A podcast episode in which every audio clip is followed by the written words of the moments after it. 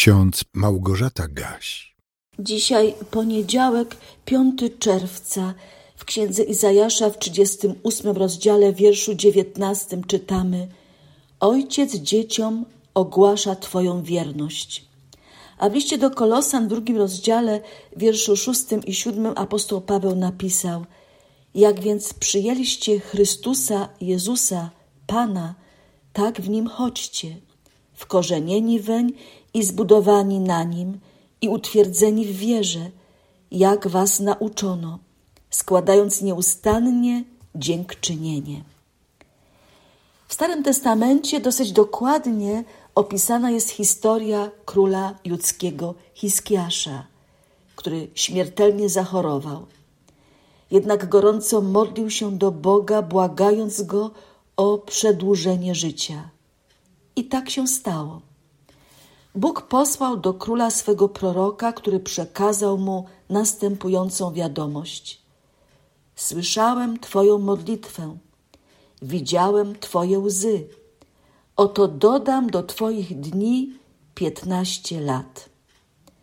Uzdrowiony Hiskiasz wypowiedział słowa pięknego psalmu, w którym opisane są jego uczucia, emocje, gdy cierpiał z powodu choroby i nadchodzącej śmierci, ale także wielka wdzięczność pod adresem Boga, który wysłuchał jego błagalnej modlitwy.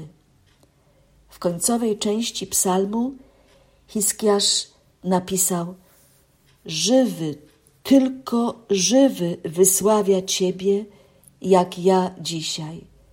Ojciec dzieciom ogłasza Twoją wierność. Król wielbi Boga i postanawia swoim dzieciom oraz swoim podwładnym opowiadać o tym, jak wspaniały, wierny i wszechmogący jest Jego Bóg.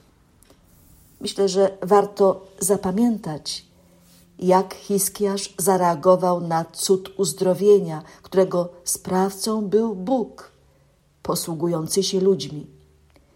Bo być może pamiętamy, że prorok Izajasz nie tylko przekazywał królowi wiadomości od Boga, ale również zarządził: Niech wezmą plaster figowy i przyłożą go na wrzód, aby wyzdrowiał.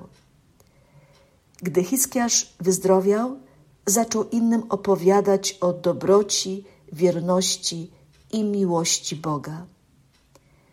My też powinniśmy tak czynić. Zawsze, ilekroć doświadczamy dowodów Bożej łaski. A przecież doświadczamy. Każdego dnia Bóg okazuje nam swoją łaskę, dobroć, miłosierdzie. Każdego dnia troszczy się o nas i obdarowuje rozlicznymi darami, by w ten sposób zapewnić nam wszystko, co potrzebne do zachowania życia tutaj na ziemi, a także do wkroczenia na drogę uświęcenia, która zaprowadzi nas do Bożego Królestwa.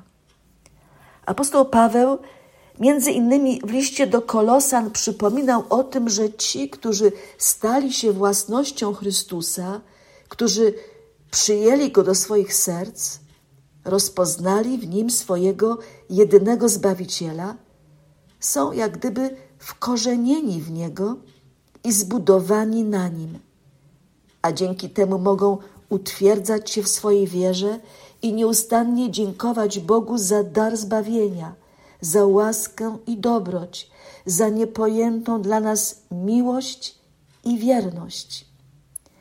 Jak więc przyjęliście Chrystusa Jezusa Pana, napisał apostoł Paweł, tak w nim chodźcie.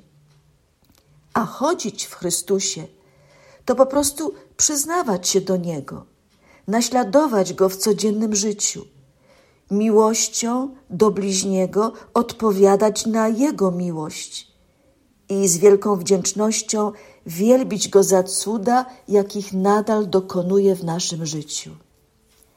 Starotestamentowy król Hiskiasz przypominał ojcom, że powinni opowiadać dzieciom o wierności Boga tradycji żydowskiej z pokolenia na pokolenie opowiadano o tym, jak Bóg ingerował w historię narodu wybranego. To było zadaniem ojców rodzin, by już małe dzieci usłyszały o cudach, jakich Bóg dokonywał w dziejach swego ludu. Szczególnie przy okazji świąt religijnych dokładnie opowiadano, jak na przykład przebiegało wyjście narodu izraelskiego z niewoli egipskiej. Jak w cudowny sposób naród mógł przejść przez Morze Czerwone. Jak łaskawy Bóg zaproponował Izraelitom zawarcie przymierza u podnóża góry Synaj. I tak dalej, i tak dalej. W piątej księdze Mojżeszowej, w szóstym rozdziale, możemy przeczytać: Słuchaj, Izraelu, Pan jest Bogiem naszym, Pan jedynie. Będziesz wtedy miłował Pana Boga swego z całego serca swego i z całej duszy swojej i z całej siły swojej. Niechaj słowa te, które ja Ci dziś nakazuję, będą w Twoim sercu. Będziesz je wpajał w Twoich synów i będziesz o nich mówił przebywając w swoim domu, idąc drogą, kładąc się i wstając. Przywiążesz je jako znak do swojej ręki i będą jako przepaska między Twoimi oczyma. Wypiszesz je też na oddrzwiach Twojego domu i na Twoich bramach.